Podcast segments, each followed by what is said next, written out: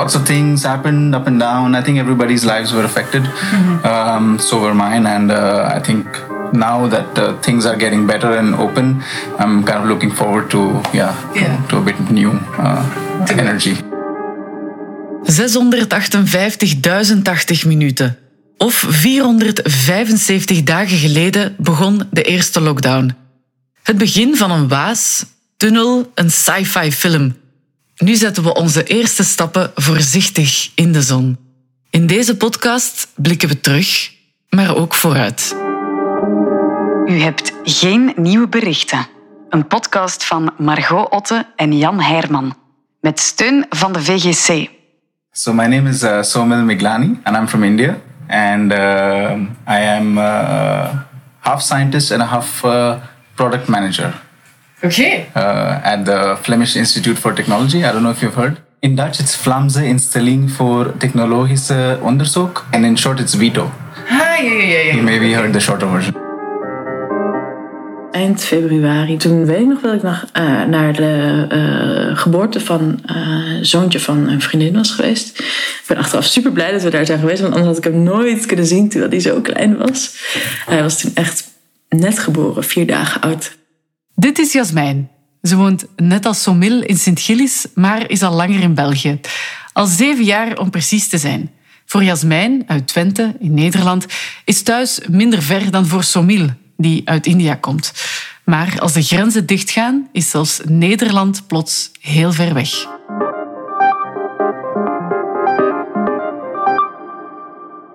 Drie, twee jaar, drie uur naar Amsterdam en vijf uur naar mijn ouders. Vier en vijf. Dus het is ook weer niet... Ja, je, eh, ja je- ik ga wel altijd als er iets is. Ja. Maar dan, ja, dat is soms wel druk, ja. En, ehm, en nu was dat gewoon, had ik alle weekenden voor mezelf en eh, voor de dingen die ik wilde doen in de stad. Maar ik vond het eigenlijk ook wel heel fijn om, eh, om eens een keer niet met één been in één land te wonen en het andere been in het andere land. Want er zijn zoveel verjaardagen van goede vrienden. En als ik alleen mijn, mijn goede vrienden en mijn familie naar al hun verjaardagen ga, dan is het al zeker eh, één keer per maand. eh, zeker één keer per maand. Ja. En dan in, in, in het najaar zijn drie familieleden, inclusief mezelf, jarig in één maand. I think around uh, uh, November last year, uh, I was just at work and I, I got a phone call from my father. And uh, on the other end, uh, uh, he was uh, very, let's say, disturbed and agitated. He was almost crying. And uh, I asked him what happened. Is everything okay? Uh, and so he said, uh, well, no, things are not okay.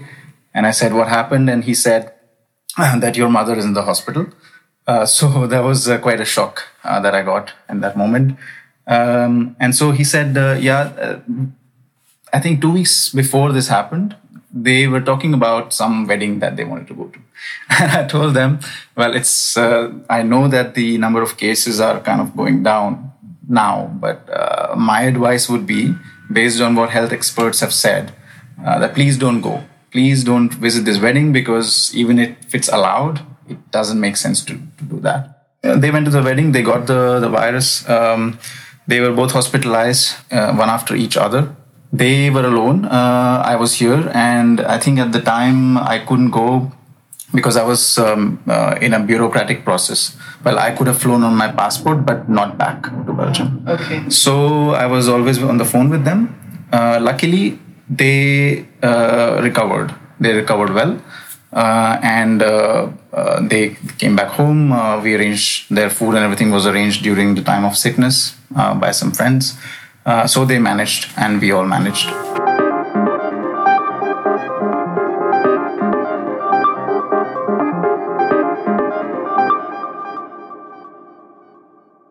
Toen woonde ik in de Hoogstraat eh, met eh, twee vrouwen van mijn leeftijd eh, die als journalist en leerkracht werken. Dus we waren wel veel, ja, we hadden veel gemeenschappelijke interesses en veel interessante gesprekken.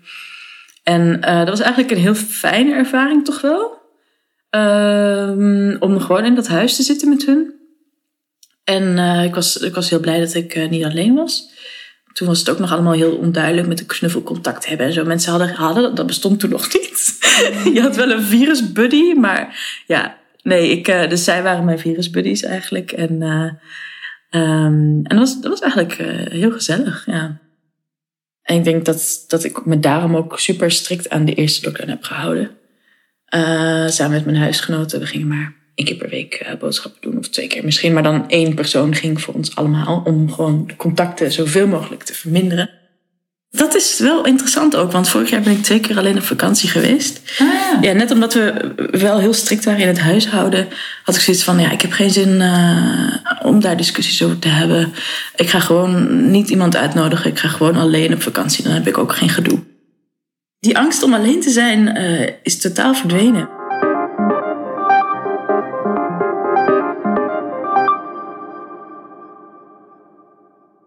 Ja, en ik had daarnaast ook nog twee, eh, twee wandelvrienden, inderdaad, waarmee ik in de winter ook ging wandelen.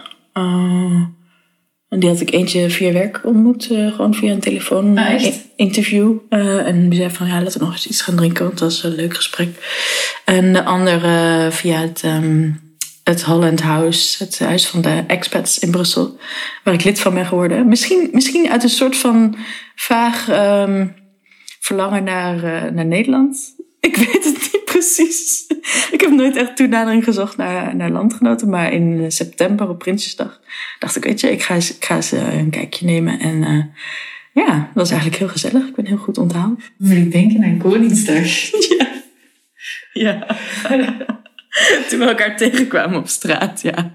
Dat was toch ook een soort moment Ja. dat beleefd moest worden. Hè? Was dat dat luisteren muziek of zo? Wie was dat? Eh, ik was naar André Hazes aan het luisteren, naar het liedje eh, Leef. Eh, ja, dat is heel, heel emotioneel. Echt een smartlap, noemen we dat zo? Ja, hè? En ja, het- ik had tot laat gewerkt, dus ik kon niet echt meer afspreken met iemand. Want het was toen nog de eh nachtklok tot tien uur. Maar ik dacht, ik ga gewoon een klein wandelingetje maken. Dus ik had mijn glas wijn meegenomen en mijn oortjes ingedaan. toen kwam ik jullie tegen. Het is ook van een topnummer, hè? ja.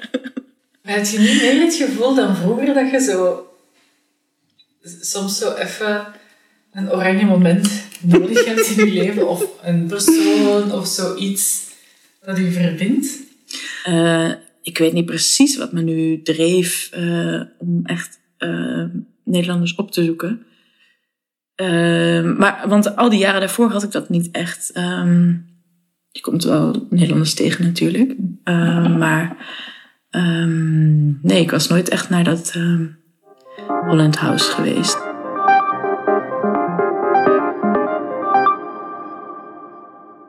Maar toen kwam er iets af op Somil waar hij zich niet op had kunnen voorbereiden. Waar niemand zich op had kunnen voorbereiden. Een allesverwoestende tweede golf. uh, looking at social media every day, uh, going through Twitter, uh, Reddit, Instagram, everywhere. Uh, Your entire digital life was kind of encapsulated by all these um, cries for help uh, from the Indian people. And being in a position where you are kind of uh, in a privilege uh, in Belgium, in a country which is developed enough, good healthcare system, no problems at all uh, and you can't do more, much more than maybe uh, donating some money to organizations that are working on ground. That's really your best hope and uh, tool to help. So it was a lot of uh, pain and angst, I would say. If you logged on to Twitter during April, uh, you would see a lot of, uh, and if you're Indian, you would see more of those requests. Uh, my uncle, my aunt, my father, etc., whoever is in Hyderabad, uh, we need oxygen or a bed or some drug. Uh, this is the phone number. Can you please find uh, something for us?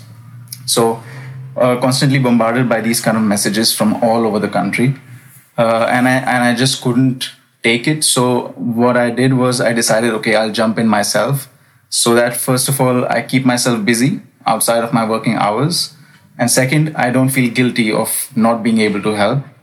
So the trigger was that uh, when I uh, when I saw a message on Facebook uh, by a friend whose uh, father he needed uh, oxygen uh, because he was asthmatic and he got COVID and he couldn't get any oxygen from anywhere. So he said, uh, "Can you find something?" Uh, so uh, there were lots of phone numbers available of different helplines and people arranging stuff on their own. So I one day I just sat there uh, calling here and there, everywhere in Hyderabad. He was uh, in India, um, and finally, after I think about forty odd calls, uh, I made some success. That uh, there was one agency uh, who said, "Please give us the details of the patient. We'll arrange it within four hours." We did that. he finally got the help that he wanted, um, but that was just one. That was just one person and there were thousands and thousands of them uh, online. So I did what I could, um, but it was you. Uh, I'm generally a very sensitive person, so calling people for this, uh, it, the whole process itself was very difficult to do. So I couldn't manage that long, but I tried tried my best. uh, we stopped seeing these messages. So I'm assuming that uh, things are becoming a bit more normal. It's, uh, let's say, the feeling is of heaviness uh, all the time, uh, even if it's people who are, who are not related to you. It's one of your folk, right? So uh, I'm not a very nationalistic or patriotic person. I am more of a globalist. So I value human life if it's everywhere, but it hurts more if it's your own countrymen uh, for some reason. So it did uh, hurt a lot because uh, I have seen people who were completely healthy, would have contributed so much value to the world, uh, brought so much joy to the world and happiness, and they had so many stories to tell. Uh, their lives were cut short, uh, some as young as 25 years old, some even younger. so that was a bit heartbreaking to, to see. Mm. Um, so a lot of heaviness, and I think it still lingers a little bit because uh, the memories are still ripe. Uh, so I think uh, there is this collective trauma that the country has gone through. Of course, also other countries, which uh, will take uh, some time to, to really fully heal.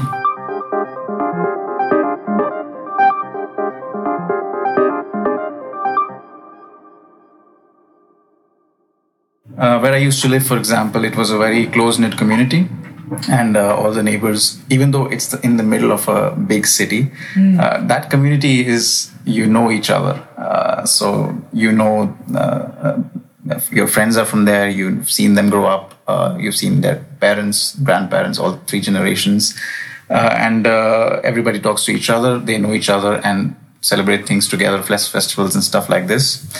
Um, here in Belgium, I, am still looking for this kind of uh, community feeling.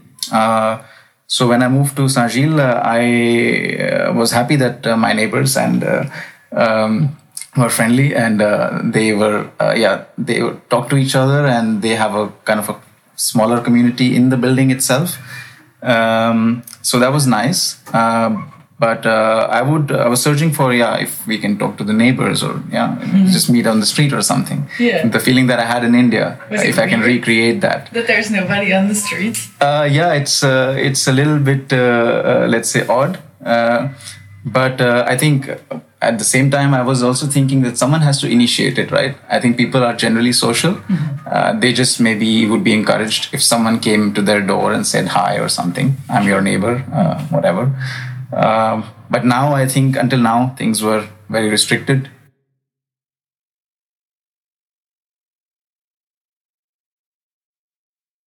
I learned that uh, happiness is the pursuit that everybody is behind, right? And uh, it's such a elusive thing that no one really knows what it is.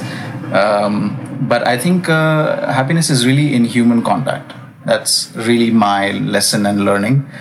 Uh, this was exactly what was snatched away from us. And I don't think a lot of us were happy. Uh, human contact, hugs and kisses with your loved ones are really the, the thing that uh, will keep you healthy and uh, alive and you know kicking and that's really the most important thing um, beyond, beyond any money or any materialistic pleasures that's really my lesson from last year het belangrijkste is wel, denk ik, dat ik, uh, dat ik het fijn vind om uh, alleen te zijn. Uh, alleen te wonen. Um, en wat ik ook wel geleerd heb, is er is echt wel een soort van, van rust gekomen. Want um, ja, ik, had nooit zo'n vaag idee over wat ik wilde in de toekomst. Ik dacht dat van na vijf jaar in Brussel wonen ga ik eh, ja, naar het Midden-Oosten of ehm, naar een ander buitenland nog. Want ja, België is natuurlijk ook buitenland voor mij, maar wel heel vertrouwd inmiddels. Uh, maar en nu denk ik van, het is ook niet erg als ik ehm, gewoon altijd hier blijf. En misschien is dat wel wat ik wil. Ja, je, je weet niet wat het leven brengt natuurlijk, maar uh, er is wel echt een rust gekomen van ik hoef Brussel niet uit. Ik kan gewoon hier blijven, want ja, ik ken het al zo goed en het gaat alleen maar Ja. nog leuker worden misschien. Ja, op een bepaald moment had ik wel zo'n echt iets van: oké, ik kan echt nergens op rekenen. Ik weet niet of ik nog ga kunnen reizen. Ik weet niet of ik ehm, ooit nog een vriend vind. Ehm, en ik had zoiets van: oké, ik, ik moet eh, gewoon mijn, mijn plan trekken. Eh, en toen heb ik bedacht om een eigen appartement te huren en, eh, en te beginnen aan een boek te schrijven. Ehm, ja, dat is nog een project van lange adem. Maar ja, dat zat al lang in mijn hoofd. En ik dacht van als ik nooit een keer. Je moet ooit die eerste stap zetten. Dus dat is dan nu begonnen. Eh, en dat ga ik wel meenemen, denk ik. Dat je dat, dat besef van, oh ja, op, op, op wie of wat zit ik eigenlijk te wachten? En misschien komt dat nooit. En laat ik dan nu beginnen met wat ik wil doen. Dus dat is wel eigenlijk een heel mooi besef. Of dat is een mooi ding wat ik meeneem, ja. En of je nu een Belg, Nederlander of Indiër bent, de mensen die jou wegwijs hebben gemaakt in de wereld opnieuw kunnen vastpakken. Is dat dan niet het ultieme thuiskomen? Dit weekend ga ik, mijn ouders, ga ik weer naar mijn ouders voor het eerst sinds ehm, december. En daar kijk ik wel echt heel erg naar uit. Dus het is, het is, ik ga er natuurlijk dolgraag naartoe. Dat is het niet. Maar het, het was wel interessant om eens mee te maken hoe het, hoe het gewoon is om ja, op echt op één plek te zijn. Well, I will definitely hug my parents, uh, the first thing. Uh, meet all my friends. This time around, uh, normally when I go, I plan some trips and uh, here and there, and I, I try to make you most use of my my time in India. Uh, this time around, I just want to be at home uh, with my parents, eat with them, sleep with them, just spend some time with them. That's really my priority. It's been uh, two years, and I think uh, I really miss uh, miss them. So I will I will I will just stay with them. That's all I wanted.